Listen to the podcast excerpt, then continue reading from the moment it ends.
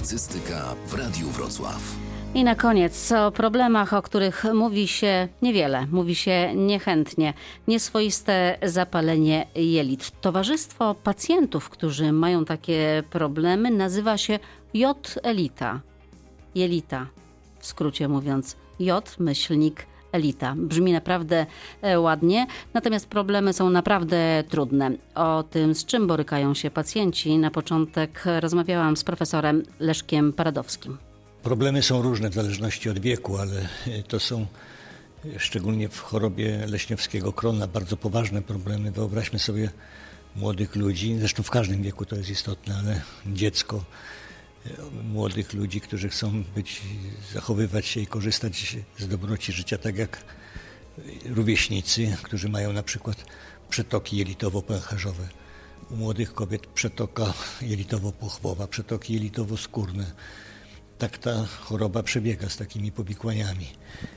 Jeżeli zaczyna się w dzieciństwie, no to na przykład niskorosłość, dziecko nie osiąga e, wiek, e, wzrostu, które e, powinno osiągnąć zgodnie z jego garniturem genetycznym, bo ten wzrost najczęściej dziedziczy po rodzicach. U dorosłych też te problemy występują, trochę inaczej to wygląda u, w przebiegu choroby drugiej, colitis ulcerosa, wrzodziejącego zapalenia jelita grubego, która występuje dwukrotnie częściej średnio niż e, w naszej szerokości geograficznej niż choroba leśniowskiego krona, ale tam problemy są inne. Choroba leśniowskiego krona dzisiaj jest chorobą nieuleczalną. Natomiast e, choroba ta druga, wrzodziejąca zapalenie jelita grubego, jest chorobą uleczalną, tylko niestety cena za to wyleczenie jest dość wysoka, bo trzeba usunąć, nieraz trzeba, całe jelito grube. Więc cena tutaj, wtedy się kończy choroba. Na szczęście są y, leki, metody leczenia, które pozwalają osiągnąć nieraz bardzo długotrwałe remisje, sięgające kilkanaście lat. Ci chorzy wtedy nawet nie przyjmują żadnych leków, ale w większości przypadków ci chorzy przyjmują przewlekle y, leki, przynajmniej tę podstawową podstawową terapię. Dzisiaj ta choroba, te choroby przestały być śmiertelne. To jest też bardzo duży sukces. Ale uciążliwa nadal jest. No, ale nie u wszystkich chorych. Powiedzmy, choroby te dzisiaj nie skracają życia. Znamy medalistów olimpijskich chorujących na te choroby. Znamy osoby publiczne zajmujące uprawiające bardzo, prowadzące bardzo intensywny tryb życia związany z, z wykonywaną funkcją, prawda, chorujące na te osoby, więc nie ma problemów, jeśli chodzi o edukację. No, trzeba gdzieś wziąć tą korektę, poprawkę e, w swoim życiu przy wyborze e, kierunku studiów. Pamiętam taką rozmowę z maturzystką niedawną, która się wybierała chorującą na chorobę leśniowskiego krona do szkoły Orlon do Dęblina no, odradzałem e, jej ten kierunek studiów. Teoretycznie mogłaby zacząć te studia, ale myślę, że to jednak w tym przypadku bym korygował swoje plany życiowe. A jak jest z dostępem do tego leczenia? E, w Polsce mamy kłopot e, z większym dostępem do leczenia biologicznego. To muszę powiedzieć kiedyś. I to najbardziej nowoczesnego. Tak, to jest najbardziej nowoczesne. Jest to, tak jak każde leczenie, też obarczone różnymi powikłaniami różnymi nieraz następstwami, dość krótko stosowane, więc nie znamy odległych skutków tego, tego leczenia dokładnie, ale no, życzeniem naszym byłoby, żeby ta grupa pacjentów, która ma dostęp do leczenia, żeby ilość środków przeznaczona na leczenie tych chorób była no, znacznie większa, prawda? Te kryteria były kiedyś no, bardzo nieracjonalne, one się na szczęście zmieniły w ostatnich latach, ale dalej jesteśmy e, daleko, daleko z tyłu za średnią europejską, ja już nie mówię o czołówce, za średnią europejską. Diagnostyką jest y, coraz to lepiej, z tym, że y, trzeba pamiętać, że lekarz rodzinny może przejść przez całe swoje życie zawodowe, mając 3000 podopiecznych, nie widząc ani jednego przypadku y, choroby leśniowskiego krona czy colitis ulcerosa. My mamy pięć nowych zachorowań, powiedzmy średnio w roku na 100 tysięcy mieszkańców, czyli we Wrocławiu, licząc, że to miasto ma 600 tysięcy, no to będzie 30 nowych przypadków. To są choroby rzadkie? Nie. To, to jeszcze to do chorób to aż tak rzadkie nie są, ale, ale to nie są częste choroby. No jak się spojrzy powiedzmy tak przez pryzmat kliniki, którą kieruję, to wydaje się, że ta choroba jest bardzo częsta, no ale to też wynika z zainteresowań kliniki tymi chorobami. Mamy w Krajowym Rejestrze Choroby Krona największą liczbę pacjentów zarejestrowanych z chorobą myśliwskiego krona w Polsce, prawda?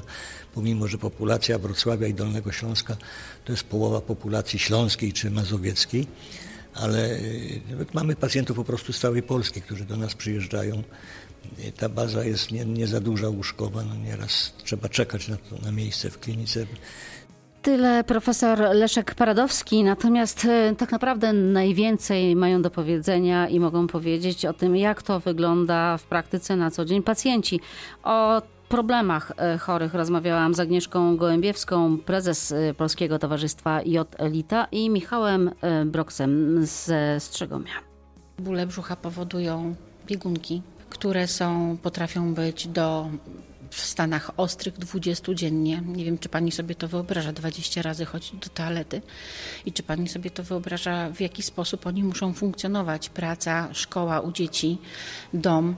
Wyjść do sklepu to jest strach. Jeżeli chory jest w zaostrzeniu i chciałby pójść po zakupy, on tą trasę sobie planuje, gdzie ewentualnie są toalety, żeby mógł z tych toalet skorzystać, no bo w przeciwnym wypadku nie wyjdzie. Mam wrażenie, że trochę to jest taka choroba, o której się nie za dużo mówi, a przecież może dotyczyć każdego. Oczywiście, nie za, nie za, dużo się mówi o tej chorobie. My to bardzo głośno mówimy o tym, że głos z toalety jest słabo słyszalny. Myślę, że każdy z nas miał rotawirusa bądź e, grypę żołądkową i doskonale wie, jak się wtedy czuje. Raz, nie? Raz. A proszę sobie wyobrazić, jak osoba jest w zaostrzeniu rok, dwa, i nie może wejść w remisję i lekarze próbują, a akurat leczenie, nie odpowiada na leczenie i ma taki stan, doprowadza to do wycieńczenia organizmu, e, do tego, że tak jak tutaj kolega który był, ważył 80 parę kilogramów, kawał byczka. Jak go zobaczyłam po zaostrzeniu, to myślałam, że naprawdę bardzo, że schudł. Nie wiem, ile schudłeś, Michał? 130 na 62 obecnie było. Powiedz. Około 130. Około 130. Jak, jak u ciebie się zaczęła choroba? Eee, u mnie choroba to była, w sumie zaczęły się objawy w 2008 roku. Eee, ból brzucha, eee, właśnie wiadomo, jak to powiedziała pani prezes, gdzieś bieganie do toalety, stan podgorączkowy. No i w sumie to było najbardziej dokurczliwe to było to ból brzucha, tak? Jeszcze jakieś afty występowały. Trzeba było to zdiagnozować w jakiś sposób, a też z diagnostyką jest problem bo to jest choroba rzadka, nie jest to taka właśnie popularna, y, wiadomo jak wszystkie inne choroby, o których się tak mówi w mediach. Więc jak na początku cię leczono, jak się leczyłeś? Choroba podróżny, był gdzieś okres wakacyjny i tak dalej. Tego nie wiem, może nie wiem, czy mogę mówić, ale na przykład, że nie chcę chodzić do szkoły, że sobie wymyślam bardziej w tą stronę. No i badanie y, kolonoskopią y, pokazało, że jest coś, jakaś rana w jelicie.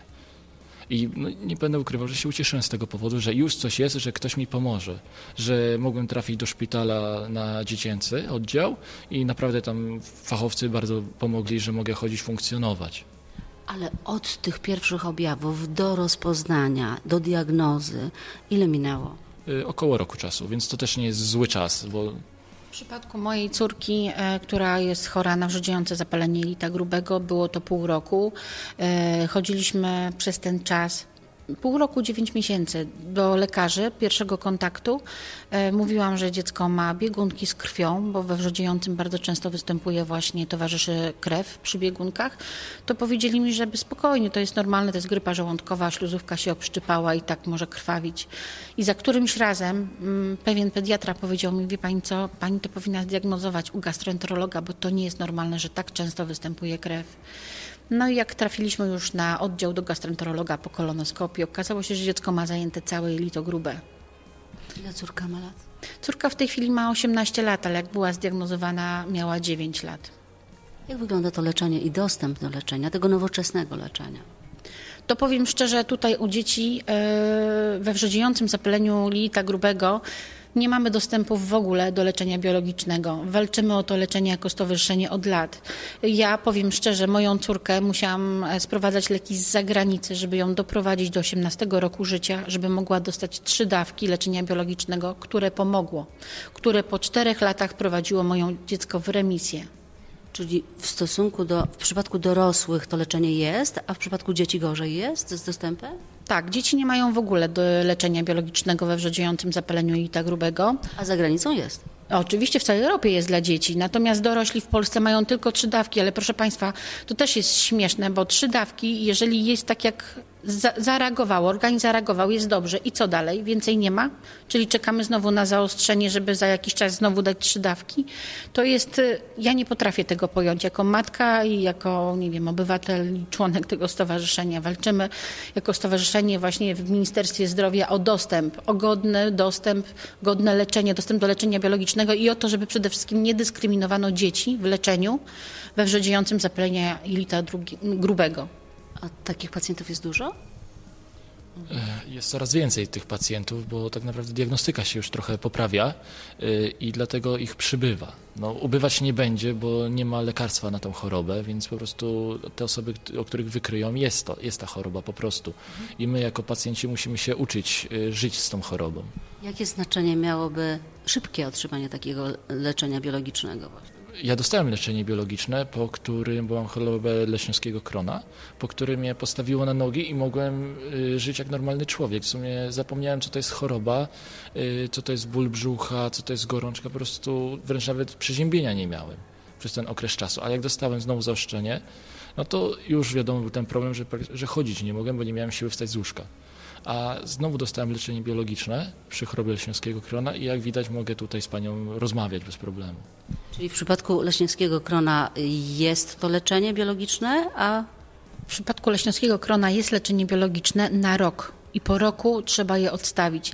Ja tylko chciałam jeszcze dodać, że nie wszystkie przypadki, zarówno w leśniowskiego krona, jak i we wrzodziejącym, wymagają leczenia biologicznego, więc to nie jest aż taki znowu duży koszt dla naszego państwa, bo to są wymagają te przypadki leczenia biologicznego, znaczy spróbowania tego leczenia, które nie idą na innym leczeniu. No fakt, sterydy rewelacyjnie działają, ale doskonale wiemy o tym, jakie sterydy robią spustoszenie w organizmie i to nie jest alternatywa na długo, długie terminowe leczenie. leczenie biologiczne, domyślam się, że te ograniczenia wynikają pewnie z ceny. No ja myślę, że tak. y, Nasz ustawodawca pewnie na to patrzy, że dla nich jest ważny koszt, a nie efekt. Ale ja, będąc w stowarzyszeniu, spotykając osoby, które są na leczeniu biologicznym, to naprawdę mm, nie spotkałam osoby, która by nie miała poprawy po otrzymaniu tego leczenia. Najważniejsze zadanie, czy najważniejszy cel dla stowarzyszenia teraz to to doprowadzenie do tego, żeby dzieci we wrzodziejącym zapaleniu jelita grubego dostały możliwość leczenia biologicznego. Żeby lekarz zadecydował, że nie idzie na żadnym innym leczeniu, nie, nie poszła ta choroba, nie ma remisji, to żeby mógł dać leczenie biologiczne, bo szpitale dają. Ja chciałam powiedzieć, że szpitale dają, tylko to idzie w koszt szpitala. I, a jeżeli szpital jest bogaty, no to ma, jak nie, to się zadłuża. Bo to szpital musi z własnych pieniędzy wtedy zapłacić, ponieważ Narodowy Fundusz Zdrowia nie pokryje tego leczenia, bo nie ma programu. a szpitale pilnują budżetów i też nie chcą tego robić. No, wiemy, jaka jest sytuacja w polskich szpitalach. Myślę, że na pewno nie chcą, aczkolwiek robią w takich sytuacjach, e, gdzie zagraża to już życiu dziecka. Wydaje mi się, że to ja z perspektywy matki, która dociągnęła dziecko do 18 roku życia po to, żeby mogło otrzymać to leczenie biologiczne. Wydaje mi się, że regulator chyba woli okaleczyć dziecko, to znaczy wyciąć to jelito grube i mieć z głowy, aniżeli żeby miał to jelito i funkcjonowało normalnie, bo gdyby podał to leczenie, spróbował i mogłoby zadziałać. Co ty uważasz, że powinno się zmienić e, w leczeniu tej choroby? Na pewno dostęp do tych leków, tak jak tutaj y, pani prezes wspomniała, żeby był dostęp y, do leczenia biologicznego, bo po moim przykładzie on bardzo pomógł mi i znam naprawdę dużo ludzi, co pomogło. I naprawdę, y, zanim człowiek dostanie to leczenie biologiczne, to musi właśnie wszystkie te azetopryny, sterydy i to wszystko wybrać. Ja, na moim przypadku sterydy na mnie nie działają i to było takie branie, żeby wziąć i aha, to nie działa, no to może inny zadziała. I, i to w kółko po prostu wszystkie, jakie są na rynku. Aha, no to dobrze, no to trzeba dać to biologiczne. No i wiadomo, chodzi problem, już chodzi pieniądze. I No i to błędne koło, więc po prostu może, żeby więcej pieniędzy było po prostu na leki dla ludzi chorych. A też im szybciej będziemy diagnozować choroby, tym y, będzie można szybciej załagodzić objawy y, choroby i też y, szpitale, my jako po prostu własnych portfeli nie będziemy wydawać tyle pieniędzy na leki, po prostu będzie wszystkim łatwiej w życiu. Jakbyś porównał to życie e, przed skutecznym leczeniem i, i, i później? E, ale porównujemy wegetację a życie. No to, to człowiek, który leży, nie ma siły wstać, bo wstaje z łóżka, żeby wyjść na przykład z pokoju, to mdleje, odsuwa się, zrobi trzy kroki, y, trzyma się na przykład futryny, żeby nie padł, albo się już po prostu się położy, bo znowu padnie. Y, przynajmniej tak jest w moim przypadku, więc dlatego dla mnie to jest po prostu y, wyjście do ludzi, wyjście z domu, po prostu zobaczenie świata. Ja pamiętam, był taki problem z Leśniowskiego Krona właśnie, że trzeba było ważyć, w ten wskaźnik wagi był, to, to nadal jest? Dokładnie. Żeby dostać leczenie biologiczne, trzeba e, z, mieć odpowiednią ilość skalę punktów. To lekarze dokładnie wiedzą, co się na tą skalę z, składa, ale między innymi masa ciała. Proszę sobie wyobrazić, czy ktoś, kto jest po sterodoterapii e, i wygląda jak pączek w maśle, to się masą ciała załapie?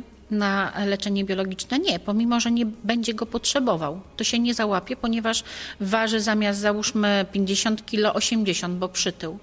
E, W przypadku akurat mojej córki zawsze często, gęsto waga była brana pod uwagę, a waga była po sterydach, ponieważ ona była ciągle leczona sterydami. I to ją dyskwalifikowało. I to ją, to ją dyskwalifikowało dokładnie, aż przyszedł taki moment, że był taki jej stan, że pomimo wagi ona dostała leczenie biologiczne. Dostęp do leczenia biologicznego to jest tak, że to nie można tak od razu przyjść i dostać. Najpierw przechodzimy przez odpowiedni program, który jest wyznaczony zgodnie ze standardami. Ale to dobrze, bo te leki biologiczne też nie są Jak obojętne. najbardziej, jak najbardziej. I właśnie chciałam to powiedzieć, że większość pacjentów na tym standardowym leczeniu idzie i osiąga remisję, ale jest grupa osób, która nie osiągnie remisji i na tym standardowym leczeniu, czyli najpierw jest mesalazyna, steroterapia, e, immunosupresja, imuran, e, cyklosporyna, e, powiedzmy jest chwilowa poprawa, za chwileczkę jest pogorszenie, wracamy z powrotem, znowu steroterapia i tak dalej, i tak dalej, zamiast od razu włączyć wtedy już leczenie biologiczne. I w ten sposób ciągniemy przez parę lat kilka sterydoterapii dla dziecka, bo mówimy teraz o dzieciach we wrzodziejącym zapaleniu jelita grubego, które nie mogą mieć e, leczenia biologicznego. Na szczęście został sprowadzony lek e, budesonid MMX, który działa tylko w jelicie grubym i nie robi takiego spustoszenia w organizmie i nie ma tych wszystkich efektów ubocznych typu właśnie otyłości,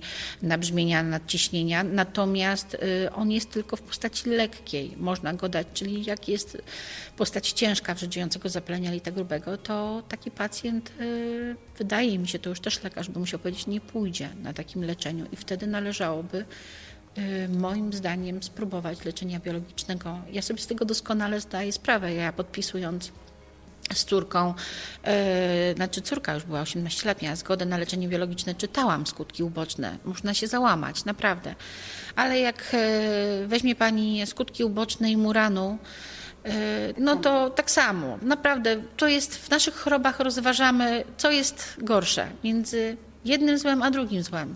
A tak naprawdę chcemy osiągnąć efekt, żeby nie bolało, żeby można było funkcjonować w społeczeństwie, żeby ona mogła pójść do koleżanek, do rówieśników, cieszyć się życiem. Jaka jest szansa, żeby rzeczywiście to leczenie biologiczne u dzieci y, zostało wprowadzone? Co musi się wydarzyć? Tak naprawdę wystarczy, że pan minister podpisze zgodę na program, e, o który walczymy, rozmawiamy. Byliśmy w Ministerstwie Zdrowia, też prosiliśmy, tłumaczyliśmy, e, przedstawiliśmy wszystko za i przeciw.